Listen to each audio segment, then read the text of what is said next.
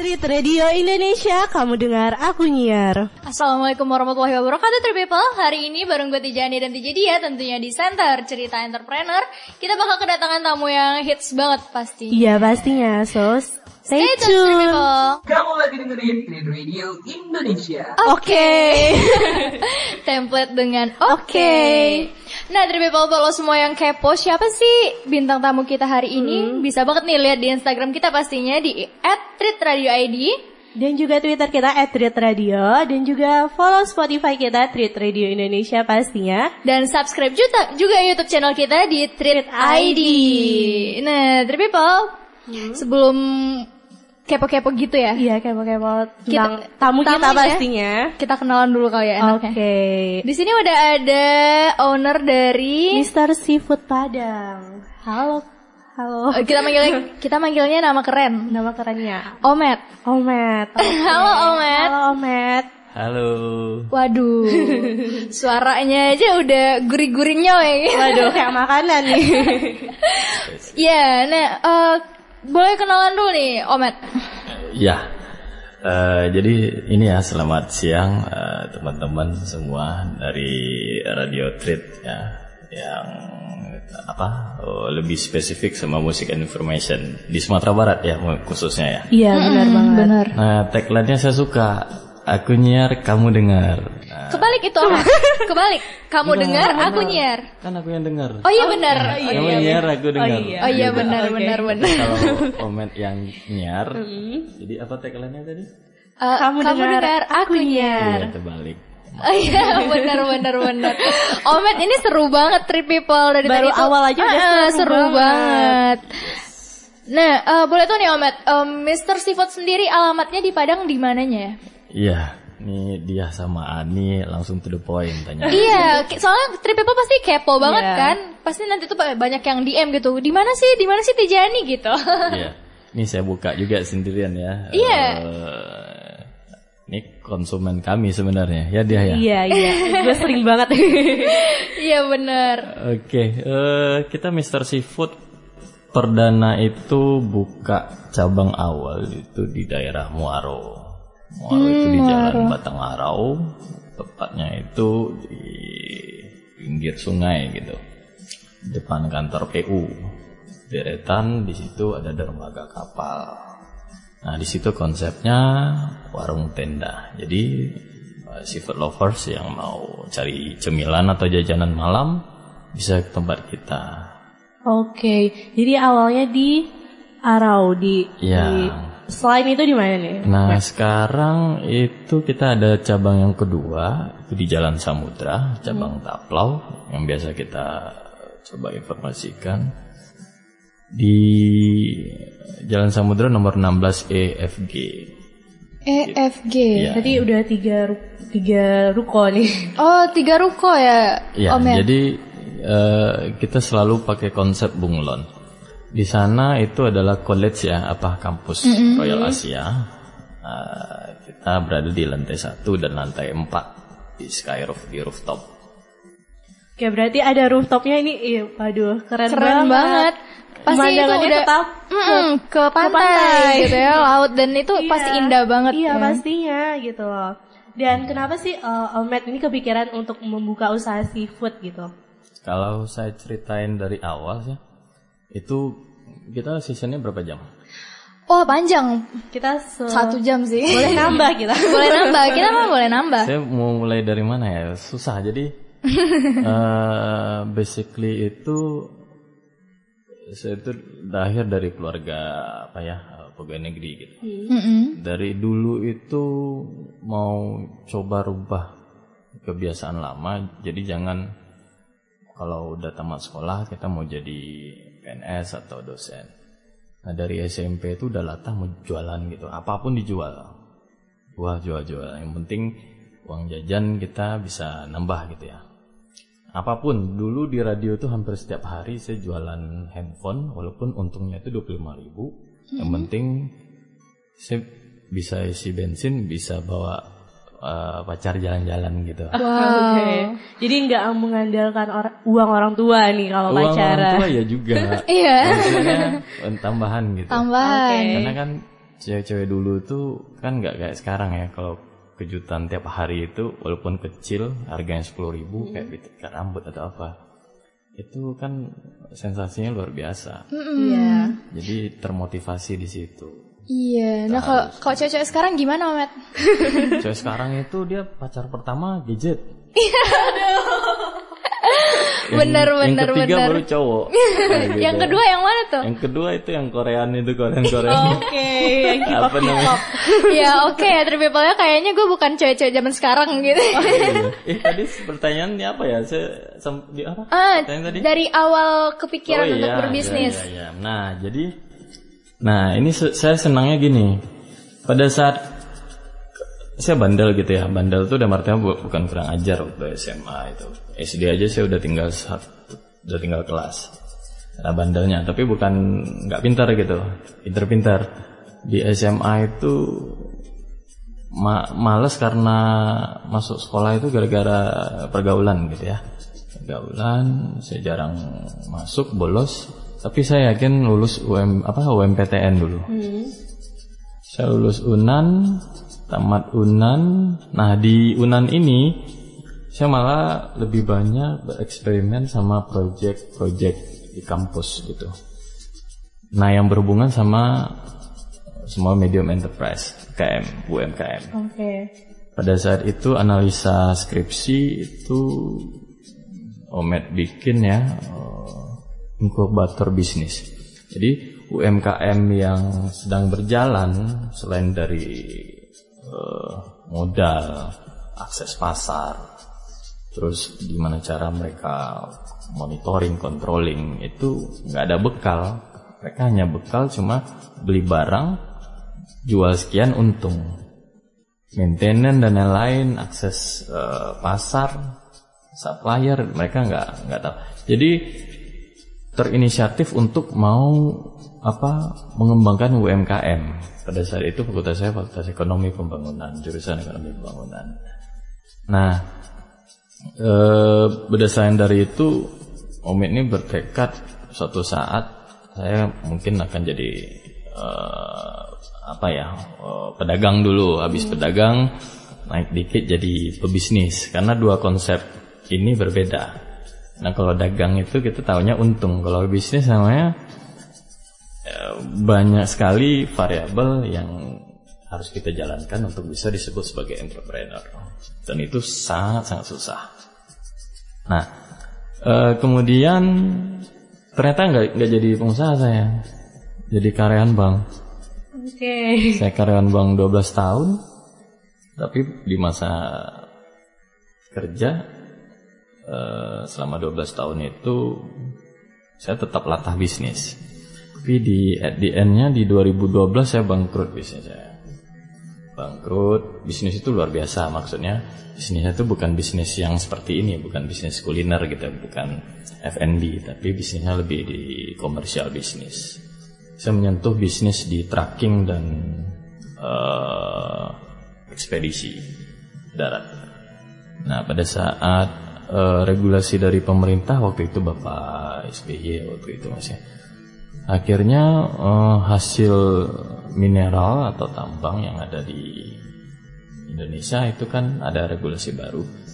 Jadi kita nggak bisa kerja otomatis semua equipment kita unit-unit kita semuanya collapse. Nah, tahu nggak apa yang terjadi? Apa tuh? Apa tuh? Saya bangkrut. Bangkrut habis Eh, satu kali saya bangkrut. Jadi dalam prinsip eh, arisan itu kan cabutnya sekali ya, nggak boleh dua kali ya. Iya. Jadi saya balik, saya suka pakai metode terbalik sama kayak tadi ya. Nah, aku nyiar, kamu dengar. ya. Jadi berprinsip gini, eh, untung di umur saya baru 30-an udah coba rasa pahit gitu. Dan itu semuanya udah habis, rumah, mobil semua nggak ada. Tapi untung saya masih kerja. Tapi dengan kondisi demikian kerja udah berarti nggak nggak kondisif lagi. Saya harus memutuskan harus pilih salah satu. Harus keluar. Baru pakai konsep bisnis tadi. Eh, dan ternyata tidak. Saya malah jadi pedagang tahu goreng di pinggir jalan pakai gerobak. Dan eh, itu berjalan satu setengah tahun. Karena untuk makan aja susah waktu itu. Dan di jalan eh, itu waktu itu saya di nggak di Padang. Karena di Padang itu saya udah nggak bisa ngapa-ngapain. Saya coba di luar kota. Eh, enam bulan, setahun, saya balik Padang. Balik Padang itu jual goreng lagi. Jual goreng tapi ilmunya saya tambah. Saya pergi Pekanbaru karena Pekanbaru tuh banyak kafe. Dulu tuh mindset kok saya ngomong sendiri ya? Ya, Iya, iya, nggak apa-apa. kita fokus, kita Oh, fokus dengerinnya. Kita hikmat banget dengerin om Iya. cerita. Jadi eh, kalau saya pakai konsep pakai gerobak dorong lagi, dulu itu saya nggak ada tenda waktu yang di tempat lama, saya pakai payung malah. Dan alhamdulillah waktu tempat dulu itu saya mencari uang 100 ribu itu sangat gampang, karena di situ belum ada yang makanan yang saya bikin. Nah, eh, karena saya selalu menjadi mentor bagi yang muda-muda gitu ya. Kalian kalau sarjana aja modal, tampang, orang tua mapan, tapi kalau nggak punya skill, sama juga bohong. Nah, tapi itu yang ada kemauan ya, yang punya kemauan. Jadi, contoh seperti saya ini kan suka masak. Saya biasanya kalau hari Minggu itu saya yang masak. Anak-anak sama istri tinggal makan. Wow. Oh, ini Suami Ebel. Bukan bukan, saya sering nonton film barat dulu kan. Karena yang sering masak kan laki-laki, Oh iya benar. iya kan? Mm-mm. Nah jadi padahal nggak terlalu hebat, cuma saya tahu triknya, terus eh, modifikasinya. Jadi nggak harus kita hebat ini, tapi yang penting modifikasi. Jadi saya akan cari orang yang bisa, otaknya dari saya, nah gitu. Hmm, iya iya iya. Kalau kita yang sendiri itu nggak bisa. Mm-mm, benar. harus cari orang yang bisa tapi kita yang create gitu nah di kemudian pas nyampe di Padang itu 2015 saya jual goreng lagi tapi saya selalu pakai konsep bunglon konsep bunglonnya gini eh, kita harus gandeng collaborate ya nggak bisa sendiri Iya. kalau usaha sendiri itu bisnis kayak orang tua kita itu Misalnya kalau orang tua dagang dia dari nol sampai itu. Kalau di zaman sekarang nggak bisa. Kita harus kolaborate. Karena youtuber ya kolaborate supaya pansos kan. Mm-mm, benar benar. Benar banget. Iya, benar gitu. banget. Nah tempatnya itu dekat dari sini Jalan Joni Anwar. Oh. Saya bikin satu beberapa gorengan yang dimodifikasi. Eh, saya kolaborate sama Vina Catering. Mm. Nah itu banyak bantu saya. Terus eh, intinya aktif di organisasi. Saya masuk organisasi eh, Tata Boga gitu. Di ilmu dan chef-chef saya banyak kenal di sana. Di situ baru ada link. Nah, eh, door to door saya setiap kantor di Katip. Jual goreng sama susu. Bayangin, dulu di bank saya jab- jabat lah gitu. Eh, saya bangkrut, memang harus mulai lagi jual goreng. Nah, itu cuma enam bulan. Saya harus modifikasi ini goreng ini harus jadi apa gitu. Saya cari treatment bisnis atau treatment snack yang kekinian. Apa ya gitu. Nah pada saat itu baru buka ada bioskop apa? Bioskop yang di Transmart itu, XX1 ya. Ah, iya. Itu ada makanan namanya nachos. Orang belum ada yang bikin. Nah, waktu itu saya juga eh, saya apa eh, ada hubungan sama hubungan kerja gitu ya sama Brivera waktu itu. Saya masukin DJ sama beberapa eh, produk untuk bahan bikin minuman gitu. Jadi eh, cerita-cerita itu kenapa nggak bikin nachos aja? Kita coba bikin nachos. Nah cuma cara bikinnya kan nggak tahu. Saya pergi dua minggu ke Pekanbaru. Pekanbaru saya belajar sama orang yang punya hamburger. Nah basicnya itu di hamburger tapi saya ganti semuanya ke nachos jadi saya bikin di situ ada di Padang yang sampai 5 outlet. Nachos dan pizza. Wow. Ya, eh, lima lima outlet. outlet ya. Jadi dari satu, dua, tiga, empat, lima. Nah, kenapa saya bikin lima? Karena satu outlet itu belum tentu akan untung. Iya. Misalnya kita punya dana sekian, kita habiskan untuk bikin yang bagus-bagus, itu saya jamin 6 bulan kolaps. Nah, dengan dana demikian kita bikin satu dua dulu atau tiga. Otomatis ada yang nggak jalan, kita bisa buka lagi, kita buka lagi hanya dengan satu nominal modal awal. Gitu. Tahu nggak modalnya berapa? Berapa tuh? Nggak sampai 10 juta. Wow. Oke. Hmm. Uh-uh. Iya serius.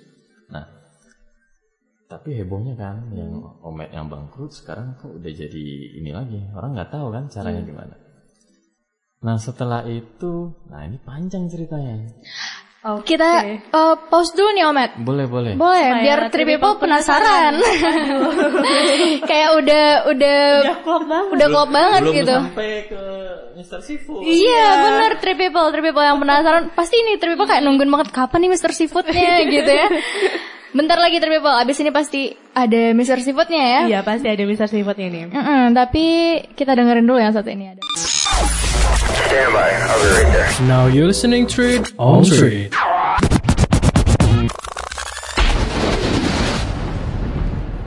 Oke Kenapa sih kita sama terus? Iya, iya emang udah klop banget kali ya sama Aduh. dia ya.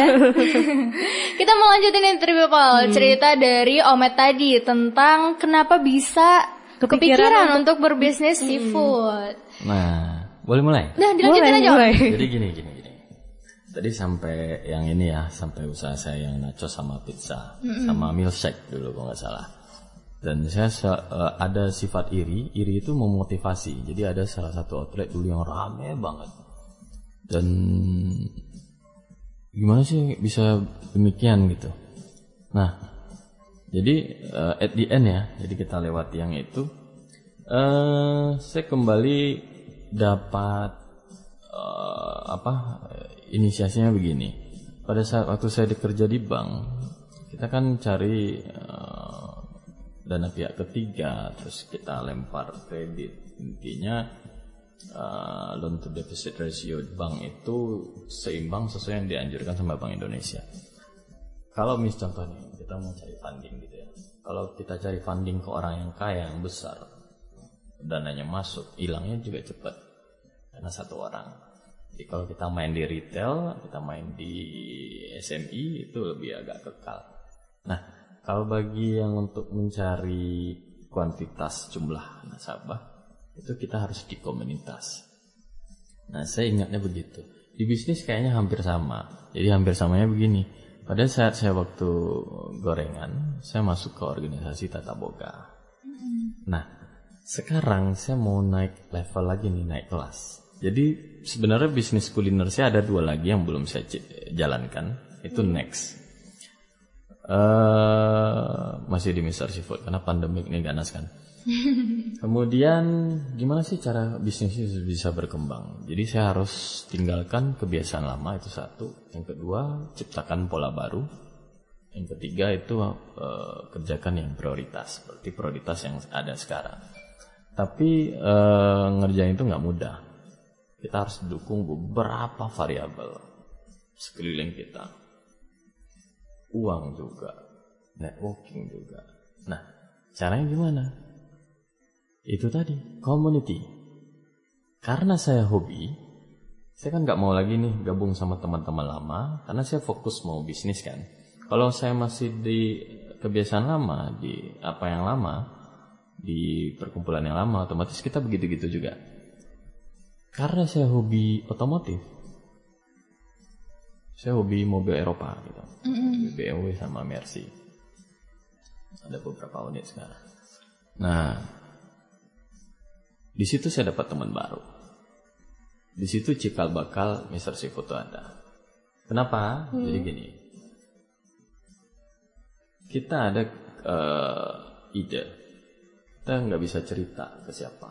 Tapi kalau ke orang yang baru, dia tahu kita punya usaha A, B, C. Pada saat seperti ini nih cerita-cerita, kayaknya sih nggak ada di kota Padang tapi yang konsep hmm, street food Hmm.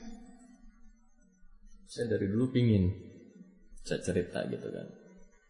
Nah salah satu teman teman-teman rupanya dia juga mikirin hal yang sama gitu. Nah saya punya eh, talent saya punya eh, tapi ibarat gini ya ibarat nyanyi. Saya bisa nyanyi punya bajunya. Saya nggak ada panggung. Nah, gimana dong Bisa nyanyi di WC aja gitu ya Om ya? Ah, jadi, gitu. Jadi ibaratnya begitu. Jadi saya cerita, saya sih mau, saya bisa nyanyi, ada kostumnya, panggungnya nggak ada. Jadi teman-teman pada ketawa, maksud lo apa sih? Jadi maksudnya gini, saya ada konsep, atau kita ada konsep, tapi tempatnya nggak ada. Gitu. Tempatnya nggak bisa so, so- apa, nggak sembarang tempat. Karena kalau seafood tuh identik sama Laut. laut atau pinggiran gitu. Iya. Terus kalau sewa atau beli mahal, namanya kita baru mulai. Itu yang namanya networking. Di salah satu eh, di klub itu, di community itu ada yang pegang gitu, pegang daerah sana. Hari ini ngobrol, besok kita jalankan. Langsung kita jalankan, mulai kita bikin, kita konsep, langsung kita bikin Wow, gercep ya Om ya? gerakan cepat. Jadi kalau misalnya kalau misalnya ada yang mau kolaps, mikir-mikir dulu ini itu ini itu nggak ada itu. Jadi yang namanya kalau ceklok kunci langsung jalan. Langsung Tapi jalanin kalau mikir-mikir tanya ini tanya itu nggak akan. Sebenarnya gini, pada saat kita ngomong sama orang, gestur tubuh, bahasa tubuh, cara dia ngomong dari mata, atau apa itu udah bisa kelihatan orang itu serius apa enggak. Akhirnya tanggal 26 Desember 2016 itu Mr. Food lahir dengan berbekal nekat. Kagetnya apa? Awalnya bikin di pinggir sungai, ternyata biaya yang dikeluarkan cukup besar. Belum lagi masalah masyarakat di sana, gangguan, wow ribet. Nah, kita selalu bikin eh, action plan selama setahun. Kalau ini booming, ini pasti enam bulan. Nah, gimana caranya kita bisa survive setelah enam bulan? Nah, itu di dari awal buka itu kita sudah rancang. Jadi step A, step B, step C, plan A, plan B, plan C. Jadi kalau modal nekat bener itu enggak juga. Kita harus mikirin matang. Tempat ambil barang kita nggak tahu gimana. Cuma satu orang ibu-ibu yang bantu saya sampai sekarang itu supply salah satu bahan baku seafood segar. Nah konsepnya gimana, Mister Seafood ini? Kalau cuma jual-jualan kepiting atau apa, lobster, kerang. Oh kerang saya belum main waktu itu, karena saya masih pakai kode etik. Teman udah duluan main kerang, saya masih belum mau sentuh. Tapi ternyata kita kalah rame dari kerang karena kerang lebih lebih harganya lebih terjangkau. Ya, ini nggak kelihatan sama saya. Iya, Ani. Ani karena terlalu imut kali ya Om ya. Nah, jadi eh, itu tadi kembali ternyata satu bulan, dua bulan, tiga bulan booming, booming dan waktu itu media sosial masih belum nendang lah, kita nggak terlalu ini. Tapi saya suka foto-foto, asal upload, nendang, nendang enam bulan ada gangguan. Gangguannya bukan masalah yang lain-lain. Jadi gangguannya macam-macam.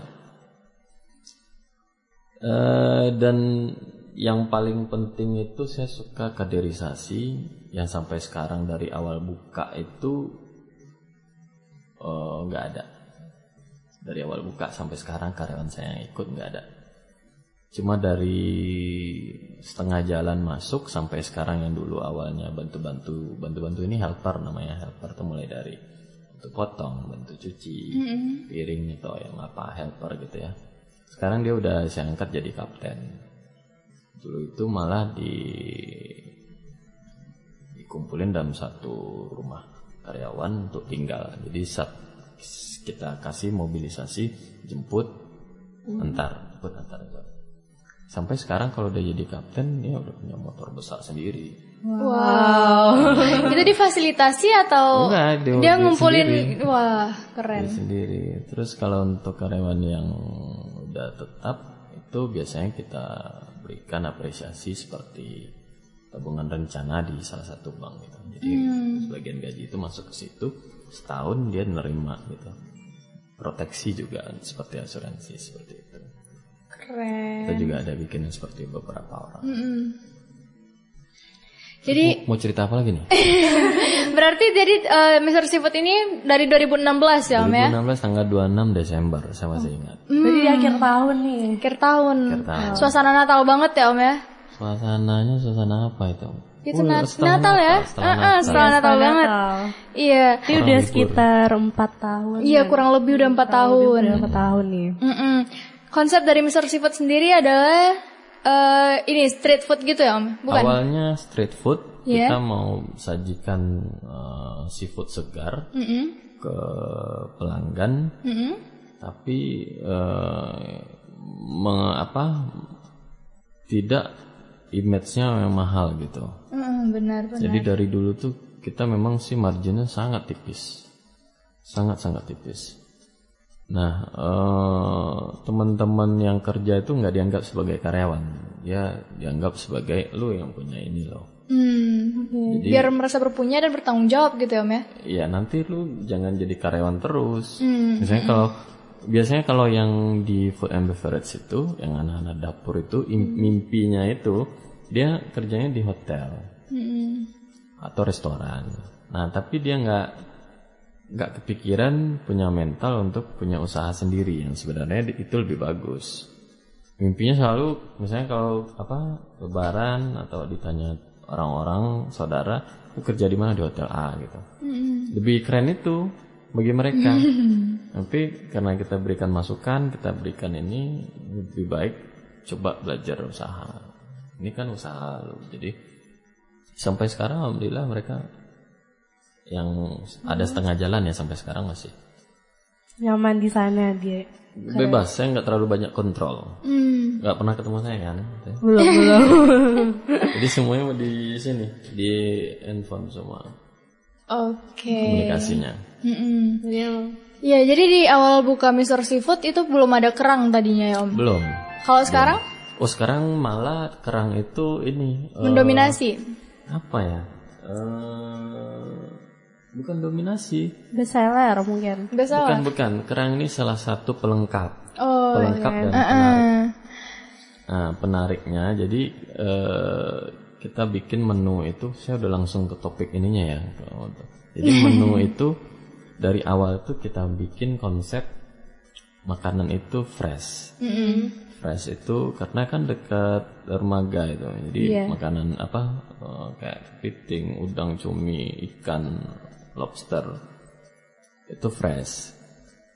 Nah, kita terima hampir tiap hari. Tapi kalau lancar ya, kalau lancar itu nggak ada problem seperti sekarang. Itu bisa fresh. Nah, masaknya itu yang lucu.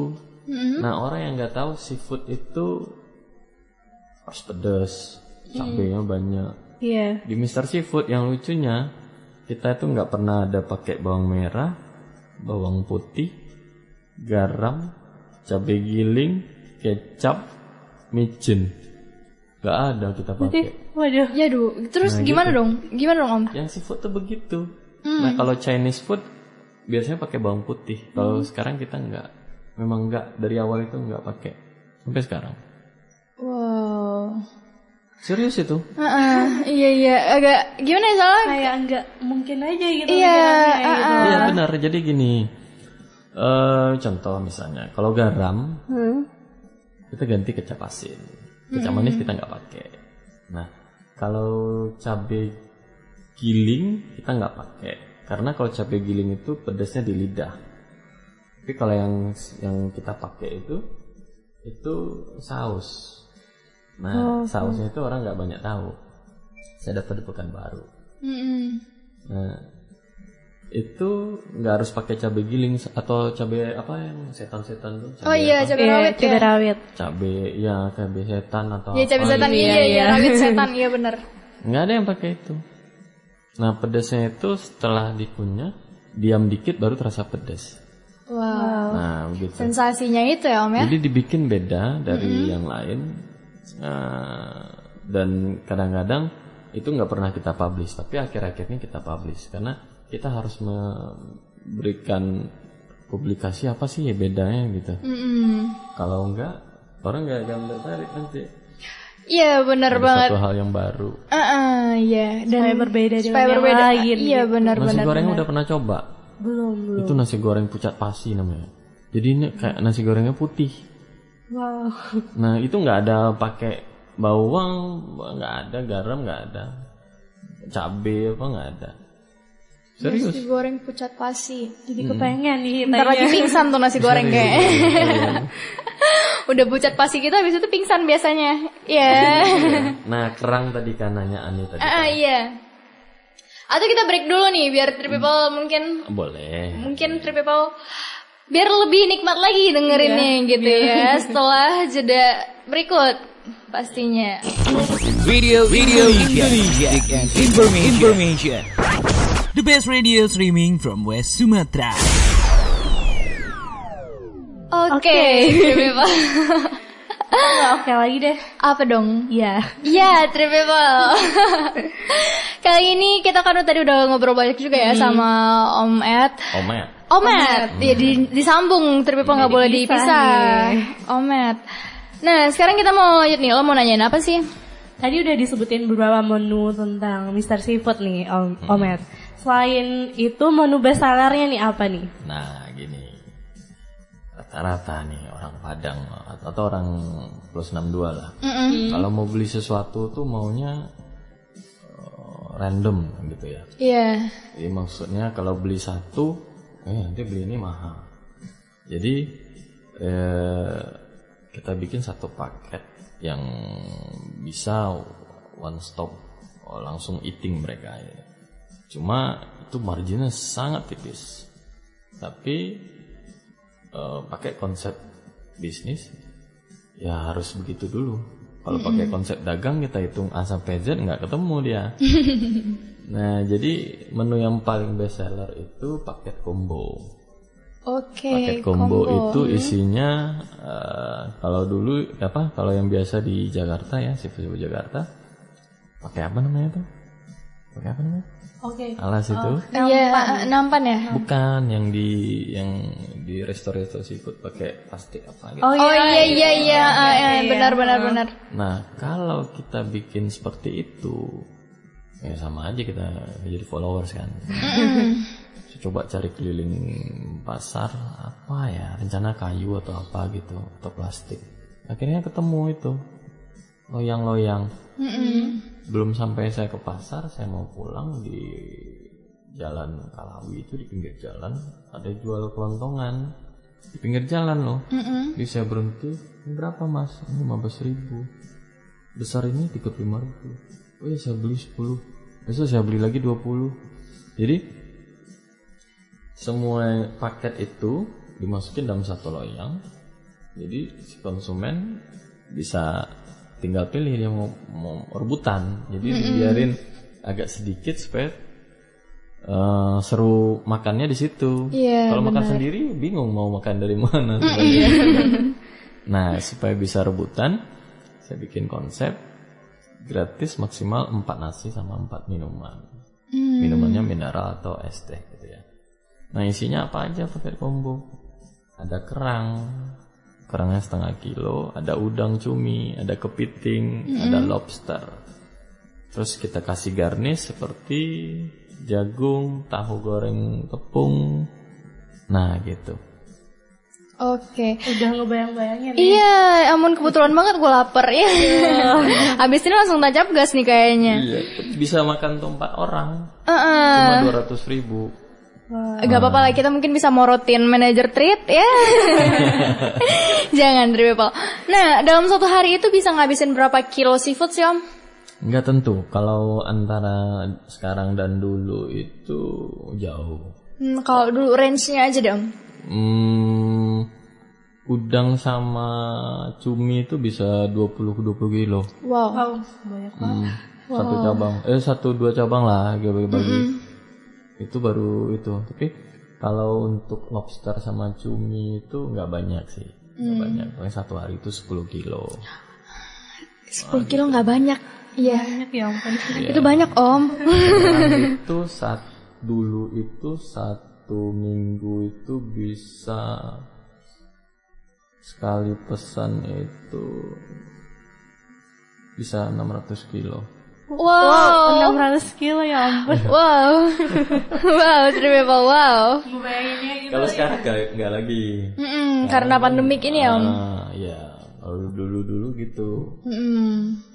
Karena kita juga ada jual yang mentahnya juga. Mm-mm, Iya. Nah, Jadi teman-teman misalnya yang mau uh, coba usaha, karena kadang-kadang misalnya istrinya di rumah gitu ya, coba aja bikin sawah sendiri beli sama kita. Ada sampai sekarang jalan.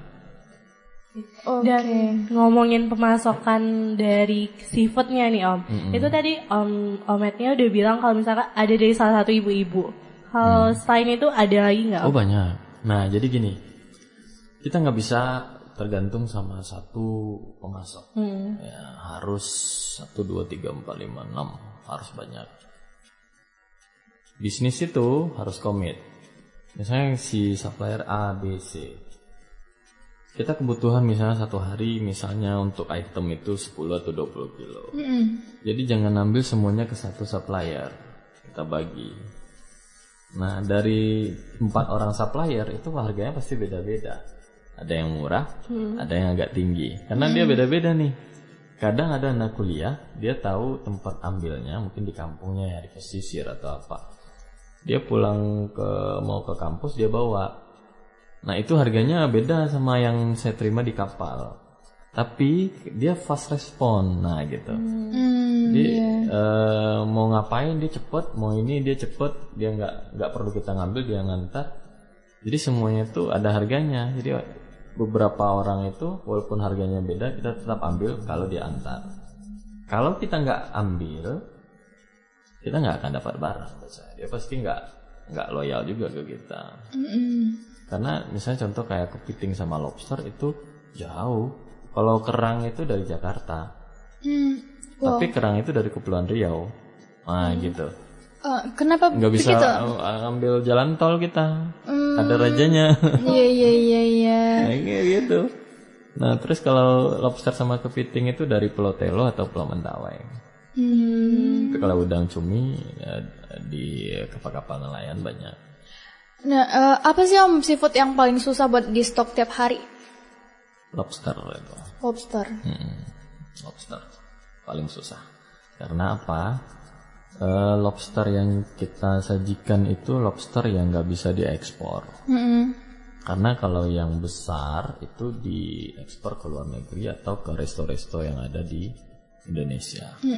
Jadi yang nggak lolos sensor kita yang ambil. Oke. Dan oh, gimana ya? Gue masih speechless sama yang 600 kilo itu. Banyak banget. Bayang gimana banyaknya? Iya gitu. benar. Aduh, three people. Dan mengenai harganya nih, range harganya. Mister Seafood ini dari berapa sih om? Harganya Iya. Paling murah itu nasi goreng kampung. Nasi goreng kampung itu eh, pakai ikan teri. delapan belas ribu. Masih terjangkau, terjangkau banget. Kau. Nasi goreng seafood dua puluh ribu. Ada udang cumi, udang kecil-kecil iris-iris. Itu yang paling murah. Yang paling mahal. Paling mahal. Kalau kalau TJ Treat mau yang paling mahal. Paling mahal sih nggak ada ya. Paling yang paling mahal itu tiga ratus ribu. Paket combo 3 Hmm, iya itu untuk enam orang. Enggak, bisa empat orang, tapi kita kasih ikan satu ekor. Oke. Ikan kerapu. Jadi kalau kita tuh ikannya ikan kerapu aja. Ikan kerapu sausnya dibedain. Jadi saus kita itu ada saus eh, pedas, ada saus Thailand, ada saus lada hitam, ada saus tiram, ada saus padang terakhir. Kebalik kan? Dulu kan jual saus padang. Iya padang duluan gitu ya Om ya. Yang padang kita terakhir. Karena padang ini susah bikinnya. Padang itu ada pakai jahe, ada pakai telur. Nah, jadi beda. Jadi orang yang nggak tahu yang pedas itu yang saus padang itu salah itu. Terus yang pedas apa nih? Saus pedas. Oke Kalau benar. saus padang, Oh ada-ada aja pertanyaannya. Kayak seperti ada serat-seratnya yang sering sering kita. Nah, yang lucunya kalau seandainya kita makan seafood di tempat lain, ada dapat bi- biji cabe, itu kan lucu. Karena pada saat Di sausnya ada biji cabe. nggak seharusnya gitu ya Om ya, Kalau karena seafood nggak ada begitu. nggak pakai cabe ya Om ya. Nggak pakai yang gitu-gitu. Tapi cabe iris boleh. Iya. Oh wow Sampai begitu. di mana tadi ya? Tuh, saya mau cerita apa tadi? Saus Sam- sudah. ah, ah. harga yang harga, tadi. harga 300 lim- 300 itu dapat ikan. eh, nah, itu bisa berenam. Mm-mm. Tapi tambah adisionalnya nasi dua sama mm, mineral atau minuman. Mm-mm. Itu bayar.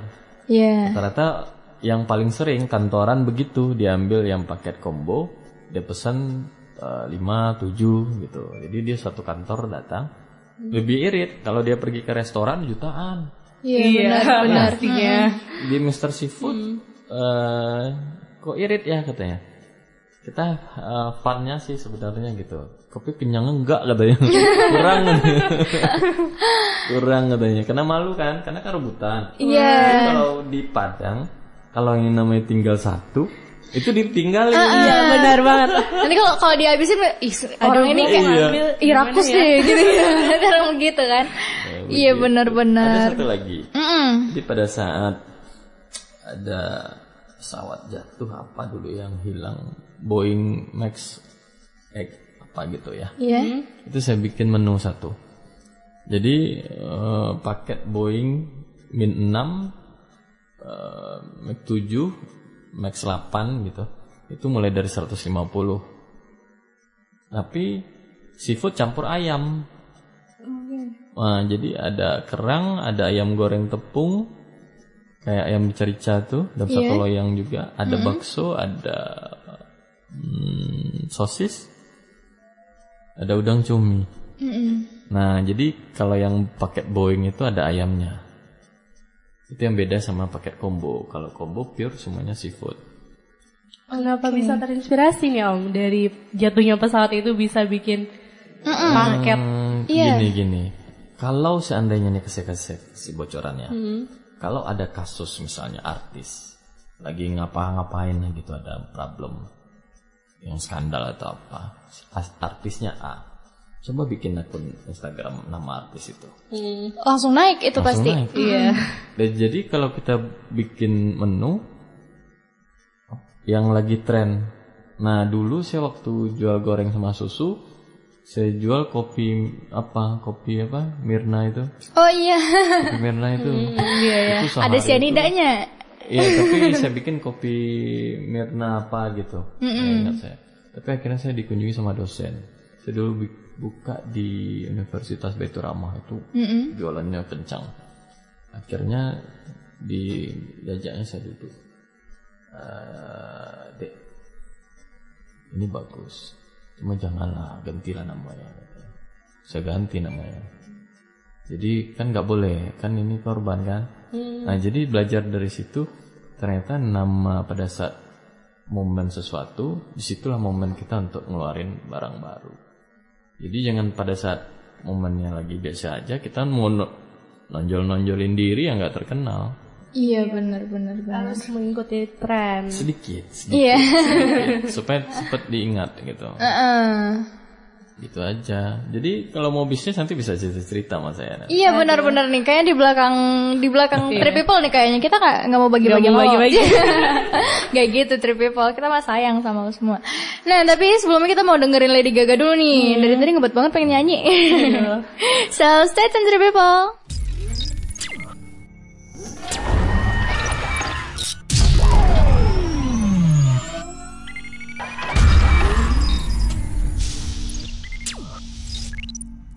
Ya, Trip People. Iya, sekarang iya nih. Iya, udah nih, aduh. Kita tuh keenakan ngobrol di belakang lo semua Iya. tuh people. Ngobrol, ngomongin trip people. iya ngomongin trip people, sorry, maafin ya. ngomongin lo nih. Enggak ya trip people. Jadi Mr. Seafood itu kan udah empat tahun juga nih. Dan udah punya dua cabang ya om. Yes. Ada rencana untuk ngebuka cabang lain gak om? Di Oh, ada. luar kota mungkin? Ada, ada, ada. Ada. Big problemnya kondisinya nggak mendukung. Oh yang sekarang ya om ya. Iya, big problem. Sebenarnya nextnya kita mau seperti kayak franchise. Iya. Nah, jadi kita siapkan uh, konsep, terus baru bisa kita jalankan. Tapi ternyata kondisi sekarang nggak memungkinkan. Nggak mungkin. Emang ya si corona, corona Iya ini emang gak ada Ya udah deh gue gak mau ngomongin lo lagi Lo tolong sadar Sadar Pergi Kalian kok bisa apa? Kompak ini. Eh, kita Karena keseringan kali ya Om ya Ketemu kita tuh Nah, dia nanti kita jadi announcer berdua. kita duet ya. Oke treat media kita mundur Iya nah jadi Rencananya nih Om Om udah punya rencana belum Buka di Ada, kota ada. mana Eh, mau- fokus di Padang. Eh, beberapa kota udah ada yang minta seperti Jakarta, Pekanbaru, Medan udah ada yang minta. Nah, cuma eh, di SDM.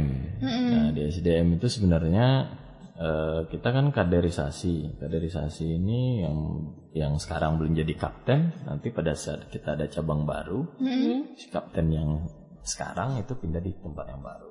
Yang di bawah naik jadi kapten. Maunya begitu. Nah, kalau bisa di Kota Padang. Nah, konsepnya kalau bisa jangan jauh-jauh dari air laut. Nah, gitu. Kalau bisa di ketinggian. Waduh deket rumah gue aja deh Di- bukan ketinggian, masa bukan di bukit. Ya kan jadi patah hati bukan, bukan. ketinggian ini gini, di bangunannya tinggi gitu. Ah benar, biar biar bisa kelihatan view-nya ya Om ya. Karena kalau udah dicoba, hmm, kalau di pantai, pinggir pantai nggak seru gitu mereka. Suka lihat dari atas, Kelihatan lautnya. kelihatan lautnya, apalagi waktu pada saat uh, Sunset. sunset, ya. Itu emang Anak indie E itu suka tuh biasanya anak indie E. sambil menikmati kerang sambil nikmatin sunset gitu loh. ah, indie banget dan kopi banget gitu ya. Senja banget gitu ya. Iya, benar banget. Dan Dan apalagi nih, lo Apa mau nih? nanya nih. dan kalau mengenai selain ini Om sibuk se Mr. Seafood, selain itu ada usaha lain kah atau gimana nih? Jujur atau bohong nih? Eh, senyamannya Om aja. Ini three people banyak loh. Ini ribuan yang mau dengar. saya, saya mau bahas dendam, maksud bahas dendamnya gini. Nanti kan dia sama Ani uh, udah banyak nanya sama saya. Nanti session terakhir nih saya nanya. boleh nggak? boleh, boleh, Enggak, enggak, boleh. di radio lain nanti. nanti. gini gini, jadi gini. eh bisnis itu akan ada selagi kita berjalan terus. Berjalan terus, kita ketemu orang baru setiap hari. Siapa tahu orang baru itu membawa suatu wawasan baru dan peluang baru. Konsep saya seperti itu. Nah, pada saat eh, saya nggak jadi seperti karyawan yang selalu pakai celana dasar ya, celana goyang apa istilahnya di orang Padang gitu ya. Eh, mulai bisnis serius, jatuh bangun tuh pasti ada, dan kita selalu komit, komit yang intinya sekali konsisten nah gitu. Iya. Kalau saya bilang tadi kan, yang bisnis one person itu itu jarang. Kita harus kalau mau usaha banyak, nambah pengalaman banyak, itu harus kolaps, kolaborasi. Dan kalau sekarang saya fokus untuk hmm, ada beberapa divisi usaha, salah satunya eh, di eh, implan medikal. Mm-mm. Tahu emangnya tahu apa yang Eh, itu yang kita omongin di belakang tadi Om Oh, ya. iya. Jadi seperti kita punya barang atau alat untuk penunjang aktivitas di rumah sakit. Mm-mm. Nah, kemudian saya juga fokus di food and beverage ya di Mr. Seafood. Uh, terus di consumer good saya juga ada. Consumer good ini sebenarnya baru. Lahirnya gara-gara pandemik. Saya kan udah pernah cerita sama dia waktu itu. Iya. Saya juga ada snack kronis, keripik brownies. Keripik brownies itu collab juga. Nah, produsennya itu UMKM. Jadi sesuai dengan niat saya dari dulu itu. Jadi mereka ini pasangan suami istri itu eh, buat inovasi dari brownies dijadiin keripik, dia packaging, dia label, tapi akses pemasarannya ini masih harus ditata gitu. Jadi saya collab, saya pegang distributor untuk Indonesia, eh, jadi yang produsen fokus untuk produksi. Jadi semua orang yang konsumen yang mau kita ciptakan pemasaran pakai reseller. Pakai reseller. Alhamdulillah sampai sekarang eh, jalan. Padahal ini baru pada saat Mr. Seafood kena pandemik, karyawan pada dirumahkan sebagian, ternyata kita bisa dapat ada bisnis baru. Iya. Nah, gitu. Masih ada untungnya juga ya si koroncut ini. Iya.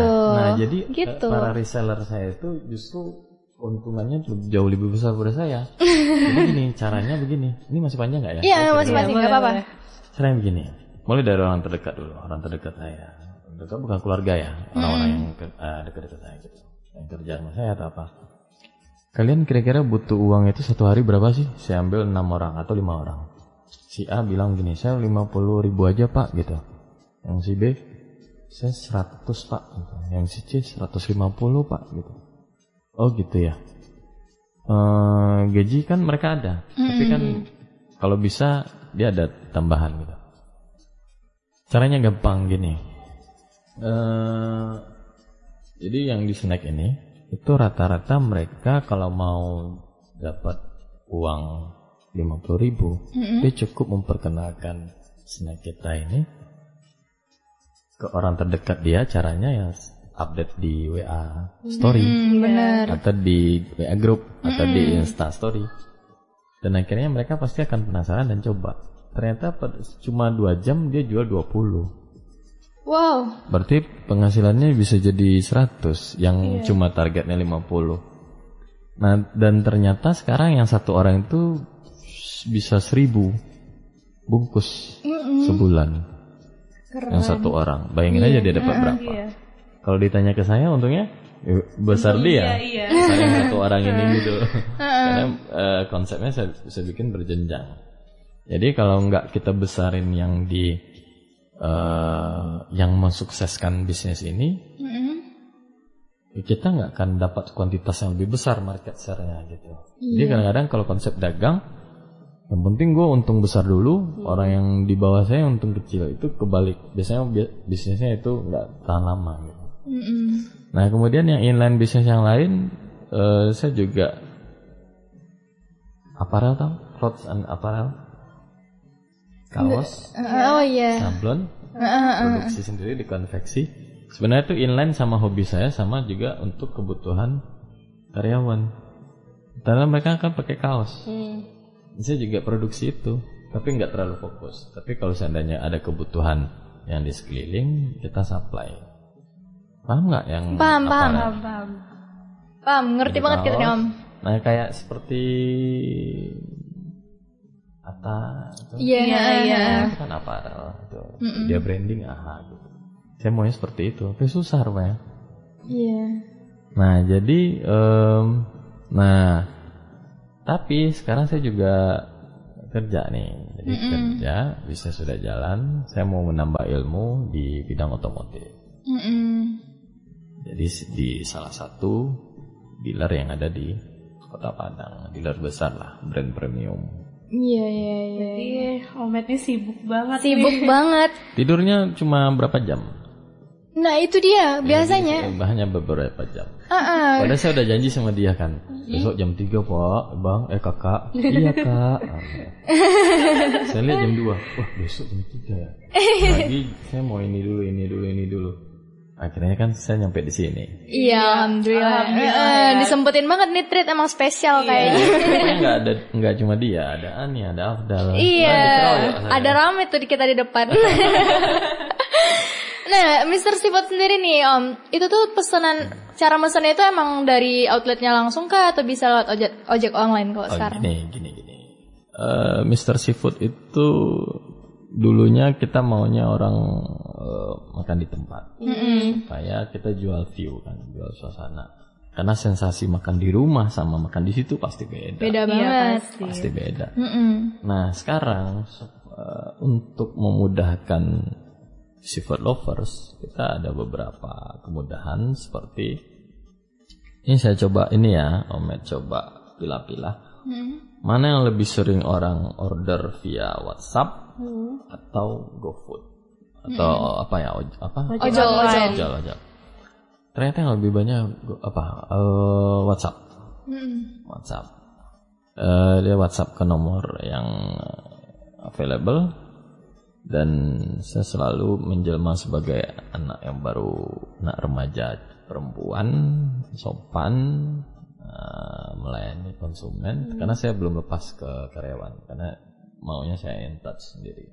Karena beda kalau saya yang ini sama mungkin kalau dia lagi pacaran mungkin sama berantem untuk jawab WA Iya. Iya. Beda saya jawab moodnya uh, WA gitu ya. dia itu sesibuk-sibuk saya susah balas sama dia. jadi intinya saya tepat ya oke kakak. Gitu.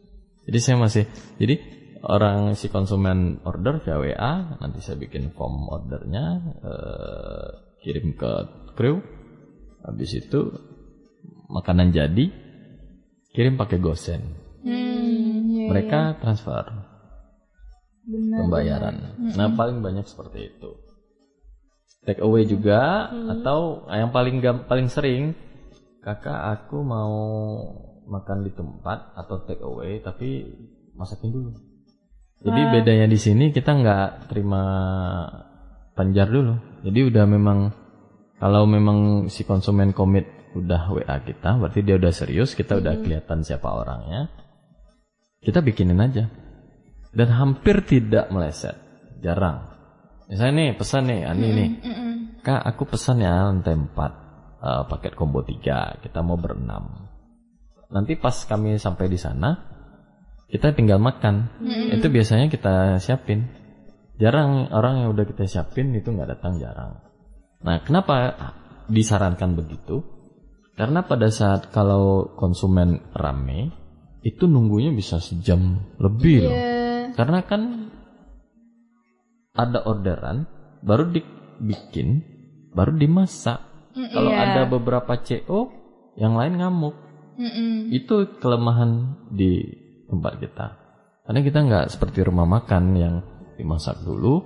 Jadi kalau ada orang pesen tinggal Ngambil-ngambilin aja gitu Nah, Om ya. iya. Atau kita gambling, kita rebus semua, tapi ternyata bukan itu yang diminta. Akhirnya yang masuk freezer. Besoknya kan nggak segar lagi, walaupun udah direbus. Kan tinggal digoyang, digoreng di kuali. Mm-mm. Berarti emang fresh from the oven. Iya, fresh Iya. from the quality. kalau Iya. sekarang, kalau sekarang itu kita frozen. Karena nggak nggak seimbang antara. eh, tapi kalau yang cumi udang itu kadang fresh.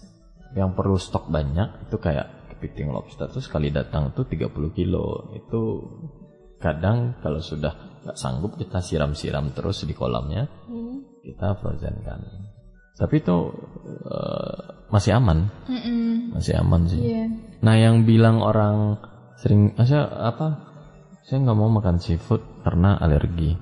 Sebenarnya itu bukan alergi, karena seafood yang dari hidup menjadi frozen, disimpan di suhu, terus direbus atau digoreng lagi, dimakan itu yang bikin alergi. Tapi kalau dia fresh itu nggak akan alergi atau merah-merah atau atau enggak. Itu aja bedanya. Hmm, Berarti emang nggak ada alergi seafood gitu loh. Nah, Emang tapi ada juga ada Hmm. juga yang makan seafood ininya naik apa nggak tahu sih ya. Iya, naik apa Iya ya? iya iya. Eh, spanningnya. Kolesterol bukan sih Om? ah, iya kalau Kolesterol ya. ya. Mm-mm. Tadi kita udah dengerin nih jatuh bangunnya, roda berputarnya, Iya, Omet ini gimana dalam usaha kuliner dan usaha lainnya. Nah, tips and triknya nih untuk orang yang mau mulai usaha, Om. Iya, mungkin trip people mungkin ada yang mau usaha juga. Eh, awalnya sering tidur lihat langit-langit nah gitu. Tidur kalau dia sering lihat langit-langit dulu atau kalau tidur langsung tidur berarti pikirannya sebentar tapi kalau orang yang tidur dia lihat langit dia berarti mikir. Dia selalu mikir dia selalu mikir. Terus dia sering berkaca dan ngomong sendiri di kaca tuh berarti orangnya orang jenius. Nah jadi intinya gini kalau kita mau berusaha mulai gitu. Jangan eh, ragu-ragu nunggu tunggu ini itu. Coba aja dulu. Iya. nah tapi intinya ada modal jangan habiskan. Kan saya udah bilang tadi ya misalnya kalau mau misalnya bisnis eh, kuliner. Sebenarnya bisnis kuliner itu 200-300 juta dimakan. Nah tapi gimana cara meminimalisasi eh, biaya? Caranya itu tadi. Kita jangan bikin besar dulu karena biasanya yang besar itu adalah kontrak atau beli tempat, itu yang paling besar. Karena eh, ROI ROE nya nanti nggak akan ketemu kalau kita nggak rame ya. Nah jadi eh, modal jangan dihabiskan dan sistem belanjanya itu jangan pakai konsep orang lama. Paham nggak menurut saya? Apa tuh? Konsep konsep orang lama lamanya? gini gini dia misalnya punya usaha apa kira-kira maunya? Baju deh. baju yang harian lah kalau yang harian lah misalnya Makanan. makanan apa Eh, ini em, Cepat shake shake gitu. Oh, shake. Mm, milk Oh, shake, milk milk shake. shake. Shake, oh oke. ya oke Ngesek. hebat nih eh, pagi-pagi udah masak apa bubble tuh kan direbus tuh 20 menit dicuci dulu dikeringin direbus habis itu eh, beli powdernya beli cupnya beli sedotan terus eh, kita jual. Satu hari laku hmm 10 dikit kali tau 50, 50 deh. 50 50 jual 10 ribu. Berarti omsetnya satu hari 500 ribu. 100 ya. karena si dia ini apa eh, nggak dengerin kata saya tadi ada modal misalnya 10 juta. Habisin 10 juta buat rapi-rapiin boot meja kursi jadi uang 500 ribu dia beliin lagi itu te- tepung tapioka untuk besoknya sama cup sama powder sama yang lain-lain. Dari omset yang itu. Besoknya lagi begitu lagi. Akhir bulan dia mau gaji karyawan nggak ketemu uangnya gitu.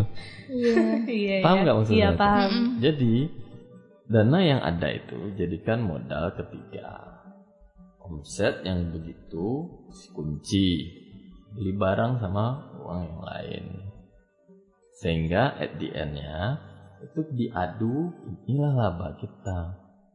Kalau pakai uang omset hari itu belanja untuk besoknya nggak akan ketemu nanti. Oke, ya itu benar salah satu contoh usaha yang susah. Mm-mm. apalagi kalau seafood. Coba bayang pun Iya, iya. coba kalau seafood. Kepiting datang 20 kilo berapa uang Mm-mm. satu hari. Omsetnya satu hari nggak sampai uang keluar yang banyak pada hari itu. Mm-mm. jadi kita nggak bisa ganggu uang itu. Jadi harus misalnya kalau omset nih anggaplah omset itu eh, satu bulan itu 100 juta misalnya gitu. Pengeluaran itu lebih dari itu. Karena barang yang kita beli itu coba untungnya di mana? Nah jadi harus ada satu divisi untuk perhitungan pengambilan per hari. Tapi kalau yang namanya modal itu belum ketemu. Kalau dari tanggal 1 sampai 30 belanja barang kita berapa? Omset cuma segini. Nah harus banyak belajar dia. Oke, terbebas.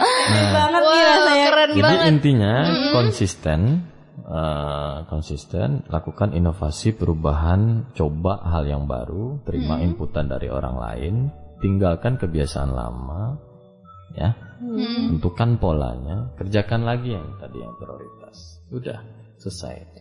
Dan karyawan jangan dianggap seperti seperti karyawan, mereka harus bawa gandeng tangan, yuk kita besarkan gitu. Kalau enggak, mereka susah. Mereka akan cari uang di situ.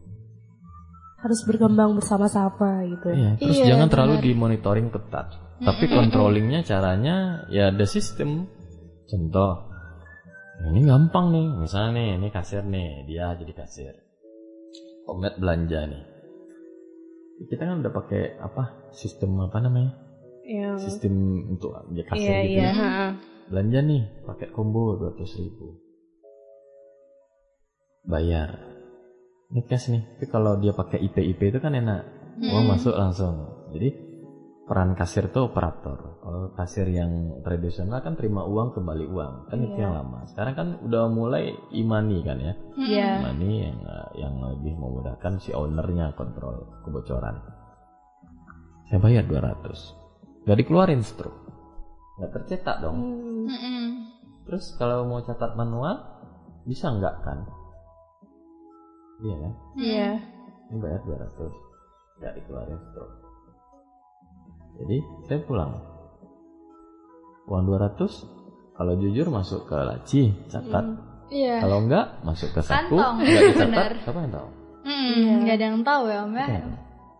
Nah justru itu kenapa di kasir-kasir itu nggak terima struk gratis? Itu dia. Oke, iya iya iya. Iya. Jadi Gua kalau mau jadi kasir, jadi kaya lebih gampang. Cari yang usaha baru-baru. Heeh. Tinggal masuk kantong doang. Iya nggak usah dikasih struknya gitu ya. Om. Karena pengolahan bahan itu nggak akan bisa dihitung di dalam karena kan macam-macam. Iya iya. Udah kepikiran? Udah udah udah. Jadi begitu ya People ya. Ya ampun seru banget ya obrolan kita hari ini. Iya udah. Udah lewat banyak sebenarnya, Iya. tapi karena seru tadi ya kita mah Banyak kita- banyak pelajarannya, Hmm, iya motivasi. Kita eh, eh. emangnya dikasih berapa menit untuk apa? Kita buat sharing dikasih satu jam. Kita mulai jam berapa tadi? Jam tiga lewat Sekarang udah jam berapa? setengah enam. Eh setengah lima, setengah lima, setengah lima. Karena asik banget nih. Iya seru banget People gue kayak ya ampun banyak banget ya pelajaran Iya. cuman dari satu orang aja gitu loh. Kebayang nggak tuh udah berapa banyak entrepreneur yang kita undang ke sini? Ya oke lah di Jetrit emang banyak wawasannya ya. Ada satu trik lagi. Jadi gini, Apa tuh? Mm-mm. kalau anak muda yang mau sukses ya mau jadi followers di bisnis, itu mereka harus sering nonton YouTube, video YouTube tentang podcast orang-orang yang dulu susah Mm-mm. sekarang berhasil. Itu harus ditonton untuk motivasi kita. Mm-mm. Orang lain aja bisa, kenapa gua enggak? Mm-mm. Intinya gitu dulu. Iya. Baru ada keberanian untuk mulai. Si Anu itu itu bisa, it- kenapa kita enggak gitu? Mm-mm. Tahu yang mana? Yang mana tuh? Yang mana tuh? Banyak di YouTube. Ya tinggal search aja ya Om ya. Iya, Kita searching aja. Enggak banyak, banyak. Banyak banyak. Aduh, itu tuh obrolan di belakang layar ya Trip People nggak bakal bisa dengar. orang yang apa sih orang yang dulu susah Mm-mm. di podcast kayak gini atau kayak interview apa gitu ya di YouTube eh, kita bisa tahu oh dulunya dia ini sekarang jadi ini Eh, seru loh Iya. Itu buat belajar seru banget ya Om ya. Nah, Mm-mm. dan hampir tiap hari kadang ada satu kali nah yang paling seru tuh sekarang saya suka yang yang Minang Eh, yang mana Tom? Yang mana tuh? apa ada Yukoto ya Oh, itu. ah iya. nggak tahu nih Gue tahu, gue tahu, gue tahu. Pernah lewat di ini. nah itu bagus di, di, dipanggil ke sini karena dia bisa ketemu sama orang-orang hebat yang asal Minang Mm-mm. artis-artis calon-calon ini apa pejabat daerah gitu Oke, soon kita bakal ngundang dia nih. Eh, eh, tungguin ya Trip People. Nah, eh, udah lebih dari satu jam kita nemenin lo semua. Gak kerasa banget nih. Gak kerasa banget karena saking serunya ya. Eh, ini waktunya buat kita berdua pamit Terima dan kasih. sama Omet juga pastinya. Terima kasih buat Trip People yang udah dengerin kita dari awal tadi. Semoga yang baik-baiknya bisa dijadiin pelajaran. Jaga kesehatan, jaga kebersihan, cuci tangan dan pakai masker kalau mau keluar rumah. Dan juga minum air putih yang banyak dan juga physical distancing tentunya. Oke, People, gue Tijani pamit. Gue tiga dia pamit dan Assalamualaikum warahmatullahi wabarakatuh. and ciao. oh,